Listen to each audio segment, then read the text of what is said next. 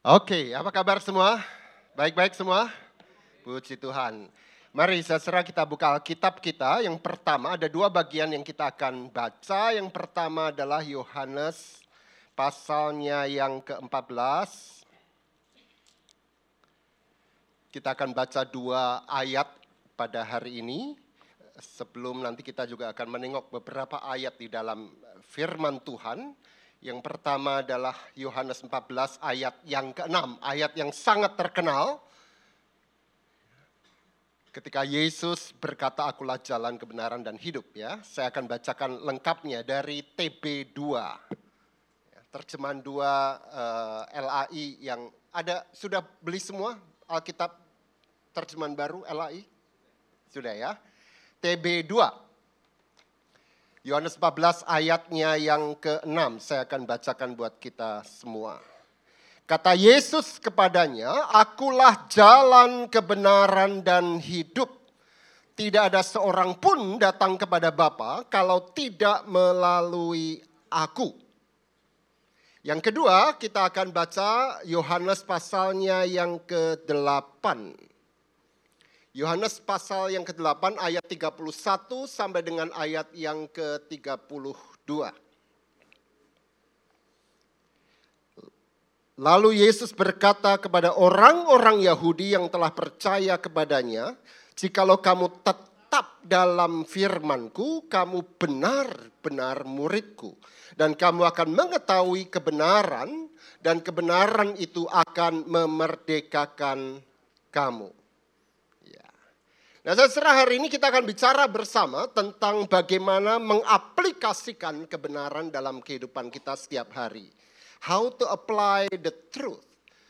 Tetapi sebelumnya saya ingin mulai dengan bertanya what is the truth? Apa sebenarnya kebenaran? Sampai kita harus mengaplikasikan kebenaran itu. Ya. Nah, saya ingin mulai dengan sebuah dongeng. Saya ingin mendongeng, serah. Kalau teman-teman suka dengan mitologi Yunani, maka dikenal dalam mitologi itu sebuah kisah tentang Hades. Hades itu satu wilayah dunia orang mati. Dan kata Hades juga muncul dalam Alkitab berbahasa Yunani yang diterjemahkan sebagai dunia orang mati. Dan Alkitab memakai beberapa ayat yang memakai kata dari mitologi Yunani itu. Dan ini menunjukkan apa? Menunjukkan bahwa para penulis Alkitab cukup familiar dengan filsafat, dengan kisah-kisah, dengan kosakata Yunani. Ya.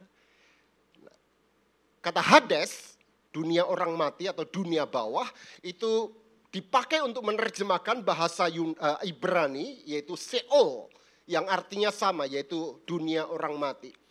Nah konon kalau Anda mati kemudian Anda masuk ke nyemplung ke bawah dunia orang mati itu maka Anda akan berjumpa dengan sebuah realitas yang sama sekali berbeda dan dalam realitas dunia orang mati itu ada lima sungai. Nah ini petanya. Siapa tahu ada yang butuh kelak Nah ini beta ya. Semoga nggak ada yang butuh ya. Nah di sana Anda akan masuk ke dalamnya dan ada lima sungai utama. Dan nama dari lima sungai ini menarik karena mencerminkan apa yang akan kita alami dalam dunia orang mati. Ini menurut mitologi Yunani ya. Yang pertama adalah sungai Acheron, yaitu sungai kesedihan. Yaitu bahwa Anda akan mengalami kepedihan yang luar biasa terus menerus. Perpetual sadness. Yang kedua adalah kokitus, sungai ratapan. Wajar dong orang sedih kemudian meratap, menangis, ya, mengerang-erang. Yang ketiga adalah phlegeton, sungai api. Di mana itu phlegeton? Ya, yang kiri bawah ya. Jadi kalau mau mancing ke sana jangan harap dapat ikan, eh, oh, langsung dapat ikan bakar ya. Yang ke keempat adalah sungai Lete, sungai ketidaksadaran atau uh, forgetfulness. The river of forgetfulness. Dan yang keempat adalah sungai Styx, sungai yang paling panjang yaitu sungai kebencian. Ya. Nah yang membuat saya tertarik adalah sungai yang keempat, yaitu sungai Lete. Sungai forgetfulness, sungai ketidaksadaran. Ya. Kenapa ini menarik? Karena mereka yang mati turun kemudian menurut mitologi itu mereka akan dibawa ke sana dan dipaksa untuk minum dari air sungai Lete itu. Dan apa yang terjadi? Mereka akan hilang memorinya. Dihapus semua kenangan-kenangan selama masih hidup itu. Karena itu Lete artinya adalah forgetting atau forgetful. Tujuannya apa? Supaya orang-orang itu kemudian berada di dunia orang mati disconnected. Terpisah dari dunia di sana dan kemudian terbelenggu selamanya di dalam dunia orang mati. Selama-lamanya. Dengan kata lain mereka akan lupa dengan kehidupan mereka. Nah kenapa saya ceritakan mitologi ini? Kenapa? Karena Bacaan kita yang pertama, Yohanes 14 ayat 6. Ingat ya, Yesus berkata apa? Akulah jalan kebenaran dan hidup. Ini ini gambar mitologi sungai Lete itu. Di Yohanes 14 ayat 6, Yesus berkata, akulah jalan kebenaran dan hidup. Kata kebenaran yang dipakai di sana, ego emi ho aletheia, aletheia, ini merupakan sebuah gabungan dari dua kata kata apa? A dan lete. A itu berarti menegasi, menolak, mengingkari, melawan. Amoral melawan moral. Asusila tidak punya susila. Alete dan karena itu disebut kebenaran. Kenapa? Karena melawan lete. Melawan sungai lete. Melawan forgetfulness, forgetting. Ini menarik sekali, saudara. Ketika Yesus berkata, I am the truth, akulah kebenaran, maka lawan dari kebenaran itu bukan sekedar bahwa Anda kemudian telling a lie, mengatakan kepalsuan, kebohongan, tetapi juga melawan ketidaksadaran, kelupaan dengan kata lain ketika Yesus berkata I am the truth seolah-olah dia ingin berkata I am the unforgetting. I am the unforgetting. Saya serah ini menarik sekali. Menarik sekali. Kenapa? Karena kemudian membuat kita sadar bahwa makna kebenaran itu ternyata jauh lebih dalam daripada sekedar fakta. Oke? Okay? Kalau saya berkata bahwa Yoas lahir pada tanggal 8 Januari 1970, that's a fact. Ya. Jadi kalau Anda berkata Yoas lahir tanggal 8 Maret, that's a lie. Anda nggak ngomong kebenaran. Tapi itu hanya pada level fakta. Ya, itu yang disebut sebagai kebenaran faktual, kebenaran historis. Harus ada bukti historisnya, akte kelahiran, simple. Jokowi itu lulusan UGM atau bukan? Ada ijazahnya, simple. Ya. Nah ada jenis kebenaran yang lain yaitu kebenaran matematis, kebenaran saintifik. Satu tambah satu sama dengan dua. Is that true? Ya benar. Semua orang percaya. Air dipanaskan dalam suhu 100 derajat dalam posisi biasa akan menguap. That's a scientific truth.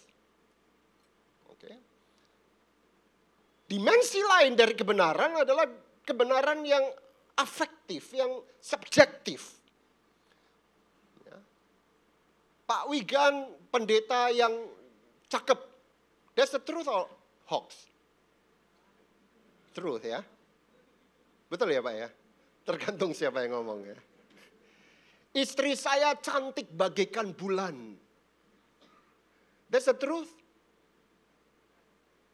Iya, tapi kalau dianggap sebagai kebenaran faktual itu penghinaan. Oke. Jadi ada dua jenis kebenaran yang yang nggak bisa ditukarkan. Ya, bulan itu kan boncal-boncal kan. Kalau saya berkata wajahmu bagaikan bulan plak.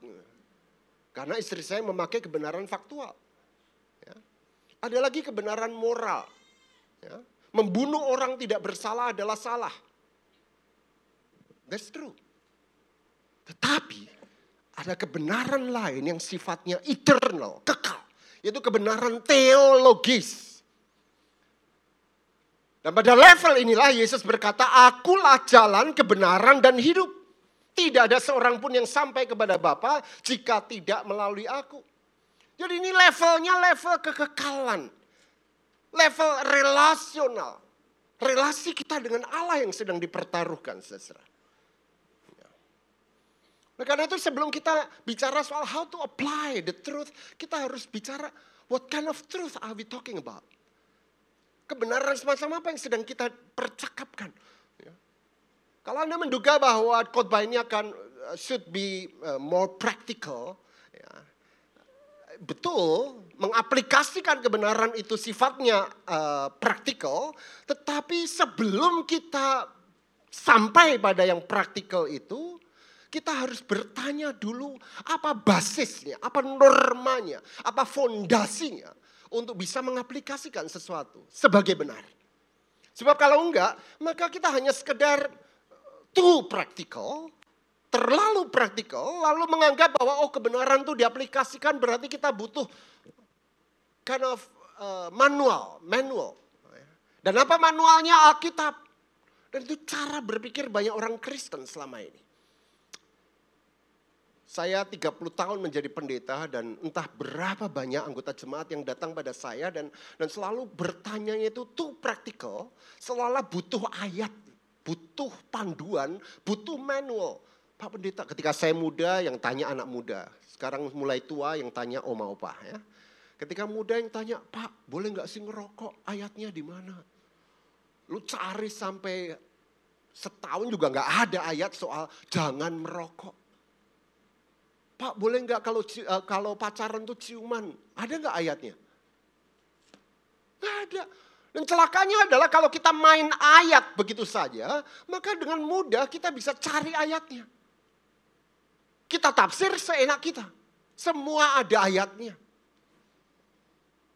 Ingat waktu pemilu dulu, Anda mau pro Jokowi ada ayatnya. Mau pro uh, Prabowo ada ayatnya. Mau anti rokok, ada ayatnya tubuhmu adalah bait Allah. Yang pro rokok, ya kalau diada-adakan ada juga. Ya, tubuhmu adalah bait Allah, maka harus didupai.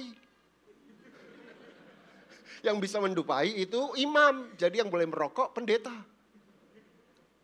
Jemaat nggak boleh. Ya kan? Semua ada ayatnya. Dan itu cara yang keliru untuk menafsirkan Alkitab. Karena Alkitab dilihat hanya sebagai sebuah buku manual. Dan kenapa itu susah? Karena ada seribu satu kasus yang tidak ada dalam Alkitab. Dan kita butuh interpretation, kita butuh menafsir Alkitab. Ya. Sebabnya sejarah-sejarah kita beragama lain kemudian menambah dengan dengan tafsiran-tafsiran yang disebut sebagai buku kuning untuk setiap kasus yang baru kemudian dicarikan fatwanya, dituliskan dan ini hukumnya. Ada kasus baru lagi, ini hukumnya. Dan pelan-pelan hukum itu nambah, nambah, nambah, nambah. Anda mau Alkitab Anda yang sudah tebelnya kayak gini ditambah lebih tebel lagi? Supaya Anda punya manual untuk mengaplikasikan kebenaran. Ada hukumnya.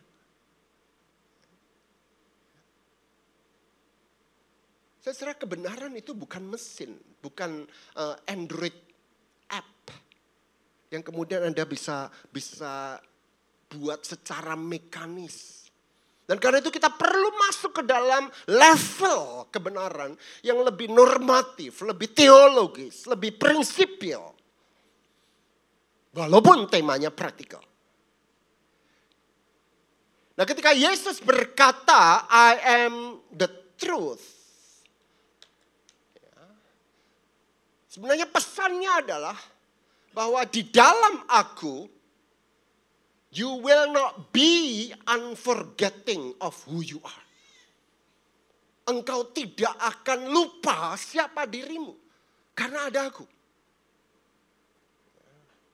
Dengan kata lain Yesus membawa dan karena itu kata truth digabungkan dengan the way dan digabungkan dengan the life. Akulah jalan, kebenaran dan hidup mengatakan bahwa Yesus adalah kebenaran artinya Yesus adalah satu-satunya cara, jalan, medium untuk membawa ke dalam kehidupan. untuk melawan lete Hades, kematian.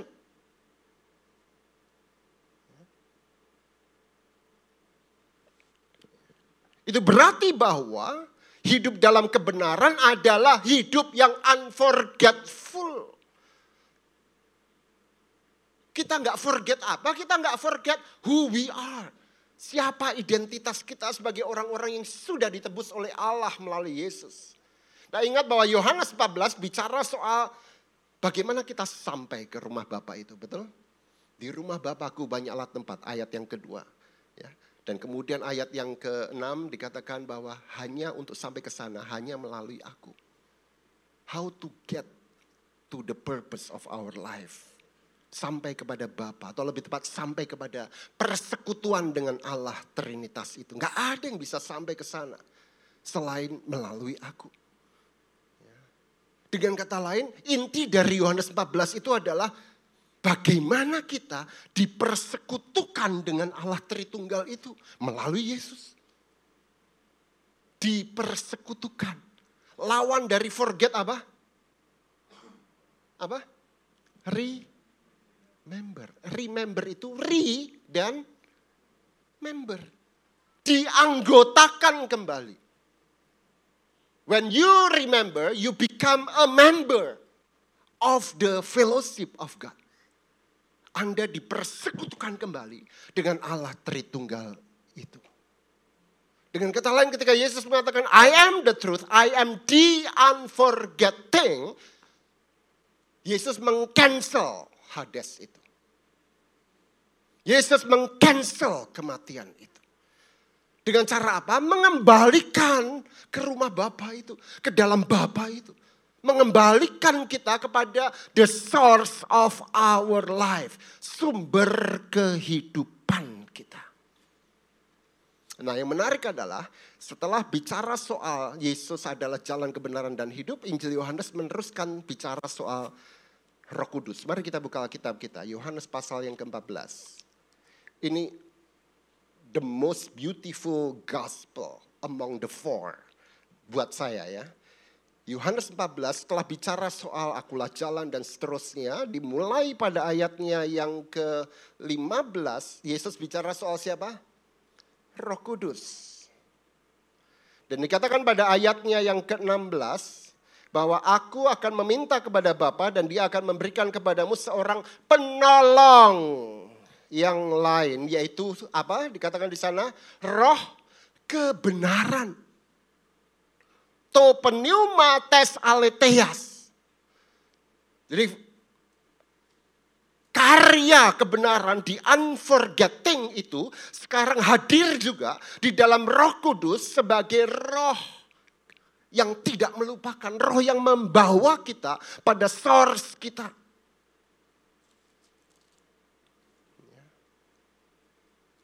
pada source kita yaitu Allah itu sendiri. Dan dengan demikian mengcancel kematian yang kita alami itu. Dan Yesus mengatakan soal roh kudus itu apa? Dunia tidak dapat menerima dia sebab dunia tidak melihat dia dan tidak mengenal dia. Dunia sudah ditakdirkan untuk masuk ke Hades. Untuk mengalami forgetfulness itu. Tetapi dilanjutkan oleh Yesus, tetapi kamu mengenal dia. Kamu gak lupa siapa Allahmu. Sebab dia menyertai kamu dan akan diam di dalam kamu. Nah saya pegang prinsip ini. Bahwa ternyata truth itu bukan soal satu tambah satu sama dengan dua. Bukan soal Yoas lahir di Madiun, bukan soal itu. Soal unforgetfulness. Bahwa engkau punya identitas dan itu menjadi sumber hidupmu. Pegang itu sebelum mulai bicara soal the practical. Truth itu bukan noun, bukan kata benda. Ya, kita sering mengatakan bahwa truth itu serentetan kalimat-kalimat benar dan kemudian bagaimana mengaplikasikannya dalam kasus. Totally wrong. Kalau Anda pelajari kata kebenaran dalam bahasa Ibrani, emeth, dan Yunani, aletheia, itu berbeda dengan kalau Anda bicara truth dalam bahasa Inggris. Bahasa Inggris lebih dipengaruhi oleh bahasa Latin, veritas. Kebenaran itu veritas, artinya apa? Sesuatu yang bisa diverifikasi. Betul gak sih saya ini lahir di Madiun, verifikasinya mana? Itu veritas. Too shallow, terlalu dangkal. Yang lebih celaka lagi kalau diperdangkal lagi bukan veritas tapi faktum. Ya, fakta. Dan terlalu banyak dalam firman Tuhan yang kemudian tidak bisa kita buktikan bahwa ini fakta dan kita verifikasi. Anda percaya bahwa Allah menciptakan langit dan bumi? Percaya? Faktanya mana? Buktikan. Kita nggak bisa. Anda percaya bahwa Yesus bangkit dari antara orang mati? Faktanya mana? Anda lihat, begitu banyak orang Kristen yang ditantang imannya ya, oleh orang-orang yang tidak percaya hanya pada level fakta dan kita Kenapa? Karena mereka memakai level faktual. Padahal keyakinan iman kita pada kebenaran itu way beyond the factual. Maka ketika Anda ditantang, Anda dicerca, Anda diledek, apa kebenaran imanmu pada level faktual? Jangan tanggapi. Ketika ada orang yang tidak percaya kemudian menantang iman saya dengan pertanyaan yang tidak jujur, ngapain saya harus memberikan jawaban? Betul? Prinsipnya gini, kalau Anda mendapatkan honest question, berikan honest answer. Tapi kalau Anda tidak mendapatkan honest question, ngapain kita memberikan honest answer? Aletheia itu mirip dengan emeth dalam bahasa Ibrani atau aletheia dalam bahasa Yunani yang bukan noun tetapi active verb. Dan karena itu lebih tepat diterjemahkan unforgetting. Selalu tidak lupa, selalu mengingat. Atau kalau tetap memakai truth, truthing. Ya. Truthing. Nah, jejaknya banyak dalam Alkitab. Alkitab selalu berkata living in the truth. Living. Itu active noun. Atau verb. Walking in the truth. Berkali-kali kita mengatakan bahwa kita harus berjalan dalam kebenaran. Apa artinya berjalan? Berjalan artinya bahwa ada satu titik yang menjadi uh, starting point dan Anda berjalan menjauhi titik itu. Atau ada satu titik yang menjadi tujuan dan Anda menuju titik itu. Dan inilah Yesus. Anda mendekat ke dia atau Anda menjauh dari dia. Itu truth. Tapi kalau Anda teliti lebih dalam Alkitab, maka sebenarnya jauh lebih dalam. Titik awal ini adalah kilometer nol kita. Kilometer nolnya Indonesia di mana? Di Aceh. Dari titik nol itu diukurlah semua jarak-jaraknya. Kilometer nolnya Jakarta di mana? Di dekat pasar, pasar ular. Itu ada kilometer nol, dari situ diketahui berapa kilo. Nah kilometer nol kita itu apa? Jesus Christ. Dari situ kita harus mulai. Ke situ kita akan kembali. Makanya kalau Anda baca Yohanes 3, ketika Yesus bercakap-cakap dengan Nikodemus, Yesus berkata syarat untuk masuk kerajaan Allah apa? Engkau harus dilahirkan kembali kata dilahirkan kembali, genetei anoten, itu bukan kemudian Anda lahir lagi, tidak. Tapi lahir dari atas. Kembali ke kilometer nol itu. Ketika hidupmu penuh dengan activity. Tiba-tiba Anda disoriented. Saya ngapain sih kerja begitu keras? Ngapain sih saya belajar begitu keras? Ngapain sih saya melayani aktif begitu keras? Anda disoriented. Kembali ke kilometer nol. Di situ Anda akan menemukan who you are. Saya sebagai seorang pastor 30 tahun. Berkali-kali tanpa sadar kemudian menceng, menceng, menceng, menceng, menceng. Kembali ke kilometer nol. Anda yang aktif di gereja ini sebagai worship uh, leader, sebagai apa pun. Kemudian pada satu titik, where am I? Di mana aku? Back to the kilometer zero. Kalau Anda sekarang sudah tidak tahu apa tujuan hidup Anda, back to the kilometer zero. Ke kilometer nol itu. Hidup kita adalah menjauh atau mendekat dari kilometer nol itu. And then you will not be unforgetting of who you are. Yang lebih menarik lagi adalah bahwa Alkitab bukan bicara soal kilometer nolnya itu diem, lalu Anda menjauh atau Anda mendekat, tetapi Anda bisa berjalan bersama dengan kilometer nol itu. Jadi kilometer nol yaitu Yesus Kristus itu will be with you wherever you are going. Dan itu artinya apa? Immanuel. Allah menyertai kita. Bayangkan bahwa ke mana pun kita pergi, ya, sumber itu bersama dengan kita. Itu artinya walking in the truth. Maka kalau Anda lihat pada ayat yang ke-16, roh kudus, roh penolong itu menyertai kamu selamanya. Bayangkan, pakai imajinasimu. Bahwa dalam keadaan yang sedih, Anda disoriented.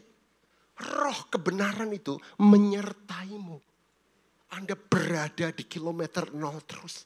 Selalu berada di dalam source sumber keberadaan hidup kita. Nah saya mau ajak Anda untuk masuk ke Yohanes pasal yang ke-8. Dari sini Yesus bicara luar biasa indah tentang the source of our being ini. Di Yohanes pasal yang ke-8 ayat 30, Yesus berdebat dengan orang-orang Yahudi keturunan Abraham itu. Dan pada ayat yang ke-31, dia mengatakan, jikalau kamu tetap dalam firmanku, kamu benar-benar adalah muridku, dan kamu akan mengetahui kebenaran, dan kebenaran itu akan memerdekakan kita. Memerdekakan dari apa? Pertanyaannya. Memerdekakan dari lete, dari forgetfulness, dari disconnection. Merdeka untuk kembali pada the source of our being itu. Dan di sini kita melihat ada paradoks dari kemerdekaan. Apa itu paradoks kemerdekaan? Orang yang mau merdeka dan kemudian punya otonomi, I want to do whatever I want, dia justru akan jadi nggak merdeka. Karena dia disconnected dengan Allah. Betul? Contohnya apa? Anak-anak muda yang terlalu ingin I want to be free. Omong kosong lah agama, omong kosong lah iman, omong kosong Allah itu. Aku mau lakukan apa pun yang aku mau. Mau ngegelek, mau minum obat, whatever. At the end of the day, dia justru akan terjebak dengan kemerdekaan. Dan dia nggak tahu lagi, kenapa aku tiba-tiba jadi addicted? Kenapa aku tiba-tiba nggak lagi punya tujuan hidup? That's the paradox of freedom. Tapi the true freedom adalah membebaskan kita dari sungai lete itu forgetfulness. Ketika kita justru surrender, kita menyerah kepada aletheia itu, kita justru menemukan kemerdekaan. Ya. Nah, yang menarik di sini adalah ketika orang-orang Yahudi kemudian menyombongkan identitasnya sebagai keturunan Abraham, Anda bisa baca di rumah nanti. Yesus mengatakan apa? No, no, kamu bukan keturunan Abraham, kamu keturunan iblis. Ayat yang ke-44, mari kita lihat. Kamu berasal dari bapakmu, iblis. Penguasa Hades itu. Dikatakan di sini iblis tidak ada kebenaran di dalamnya. Tidak ada aletheia. Aletheia adalah negasi terhadap lete. Iblis menegasi negasi, double negation. Apa yang sudah disingkapkan oleh Allah di dalam Yesus, aletheia, sekarang ditutup lagi oleh iblis. Double negation. Forgetfulness itu sekarang di dalam Yesus menjadi unforgetfulness. Sekarang menjadi non-unforgetfulness. Anda mudah nggak? Enggak ya? Dan itu tugasnya iblis. Iblis bukan menyelewengkan sesuatu, tapi mencari kebenaran. Pencari kebenaran terbaik adalah iblis. Kenapa? Karena begitu dia dapatkan kebenaran, dia akan tutupi, selewengkan kebenaran itu. Padahal kebenaran adalah penyingkapan negatif dari yang salah-salah. Di dalam Yesus. Di mana Anda cari kebenaran? Di gereja ini. Maka iblis paling suka itu di gereja ini. Karena di gereja ini kebenaran disampaikan, tapi kebenaran juga bisa dengan mudah diselewengkan. Dan itu bahayanya agama. Sejarah membuktikan bahwa agama adalah institusi yang paling santer membicarakan kebenaran, tapi juga paling luar biasa menyelewengkan kebenaran. Be careful with being religious, saudara. Agama itu bisa menyelewengkan ketika dia bicara soal kebenaran. Sejarah membuktikan. Paulus sadar itu.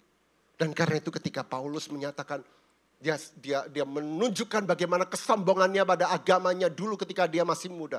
Aku suku Benyamin disunat hari yang ke-8. Aku orang Farisi. Setelah itu di bawahnya dia berkata apa? Setelah aku bertemu dengan Yesus, aletia itu. Ya, semua yang dulu kuanggap mulia sekarang menjadi sampah.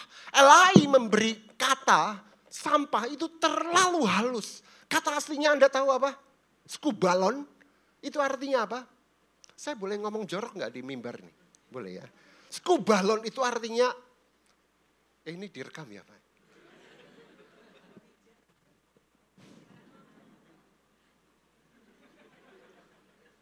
Yang belakang, tai. Semua yang mulia begitu berharga. Karena aku bertemu Yesus menjadi apa? Hati-hati dengan agama. Hati-hati Anda aktif di gereja. Oh Anda harus aktif di gereja. Tapi pada saat Anda makin dekat dengan kebenaran, iblis juga menutupi kebenaran itu. Anda tahu khotbah paling pendek di dunia itu berapa menit? Berapa lama? Ya. Ada seorang pendeta yang berkhotbah, ya, namanya La, Lafayette. Lafayette berkhotbah, um, ada worship leader dulu. Di minggu sebelumnya di Warta Jemaat, dulu masih zaman Warta Jemaat, ditulis tema minggu depan adalah jika aku bertanya kepada Tuhan apa jawabnya? Tuhan, apa guna agama bagiku? Panjang temanya. Ketika mulai song leader, dia duduk di sini, di depan gitu. Dan ketika saatnya dia khotbah, dia mulai maju untuk menjawab pertanyaan. Jika aku bertanya kepada Tuhan, apa jawab Tuhan? Tuhan, apa guna agama bagiku? Dia mulai berkhotbah. Dia naik ke mimbar dan dia mulai berkhotbah. Dan dia berkata, Nothing. Dia turun. Jika aku bertanya pada Tuhan, apa jawab Tuhan padaku, apa guna agama? Nothing. Wah gaduh. Yang di belakang, oh puji Tuhan. Cepat selesai kan. Nah setelah selesai, ada satu wartawan di sana, wartawan koran lokal yang mendatangi dia di kantornya. Dan dia kemudian ngomong, Pak boleh saya wawancara tadi khotbah yang luar biasa. Jamik Pak. Oh ya, dengan nada nyinyir dia bertanya, Pak berapa lama Bapak persiapan khotbah ini? Dan Lafayette kemudian mengatakan begini, untuk bisa mengatakan bahwa religion is nothing, saya butuh 25 tahun. 25 tahun kubutuhkan untuk sampai pada sebuah, sebuah kesimpulan that religion is nothing. Hati-hati beragama, saudara. Karena menyangka Anda makin dekat dengan Allah, iblis dengan mudah membalik semua. Itu sebabnya kepada orang-orang Yahudi siapa yang bisa melawan religiusitas orang Yahudi? Yesus berkata, bapakmu itu iblis. Ya. Kesimpulannya apa? Ayat yang ke-47. Ini gongnya. Yesus mengatakan barang siapa berasal dari Allah. Ingat, unforgetting berarti kembali ke source. Barang siapa berasal dari Allah, dia mendengarkan firman Allah. Itulah sebabnya kamu tidak mendengarkannya karena kamu tidak berasal dari Allah. Dari mana Anda berasal? Anda bisa jawab itu dengan berkata, aku mau kembali ke kilometer nol, ke sumber itu. Saya ingin Anda ingat untuk tidak lupa. Setiap kali Anda berada dalam situasi berat, and you have to apply the truth. Di mana sumberku? Siapa aku? Kesannya filosofis ya, tapi sangat praktis saudara. Kenapa saya katakan sangat praktis? Karena karena, oh ini dari tadi saya nggak ngeklik-ngeklik.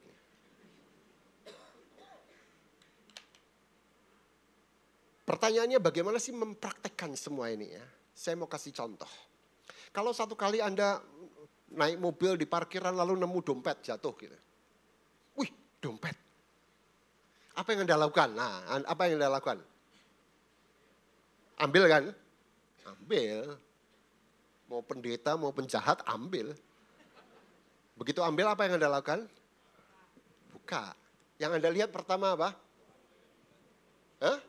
Uang kan? Oh, anda jujur, orang jujur. Ya. Jangan katakan, oh lihat identitas, oh omong kosong. lihat uang, wih ada 400. Mulai Anda bergumul dengan truth. What should I do, right? Nah, yang kedua lihat identitas, betul? Lalu Bagaimana mengaplikasikan kebenaran dalam situasi semacam itu? Emangnya kemudian pada titik itu kemudian Anda berdoa Tuhan tunjukkan kebenaran. Enggak lah. Enggak kan? Atau Anda cari Alkitab ketemu dompet. Di mana ketemu dompet? Enggak ada. Atau telepon Pak uh, Pastor Wigan. Pastor ini gimana nih saya ketemu? Mati muda dia. Urusan kayak gitu Anda telepon. Ya kan?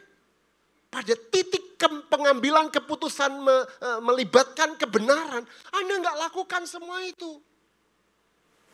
Apakah ada prinsipnya? Oh ada dalam Alkitab misalnya apa?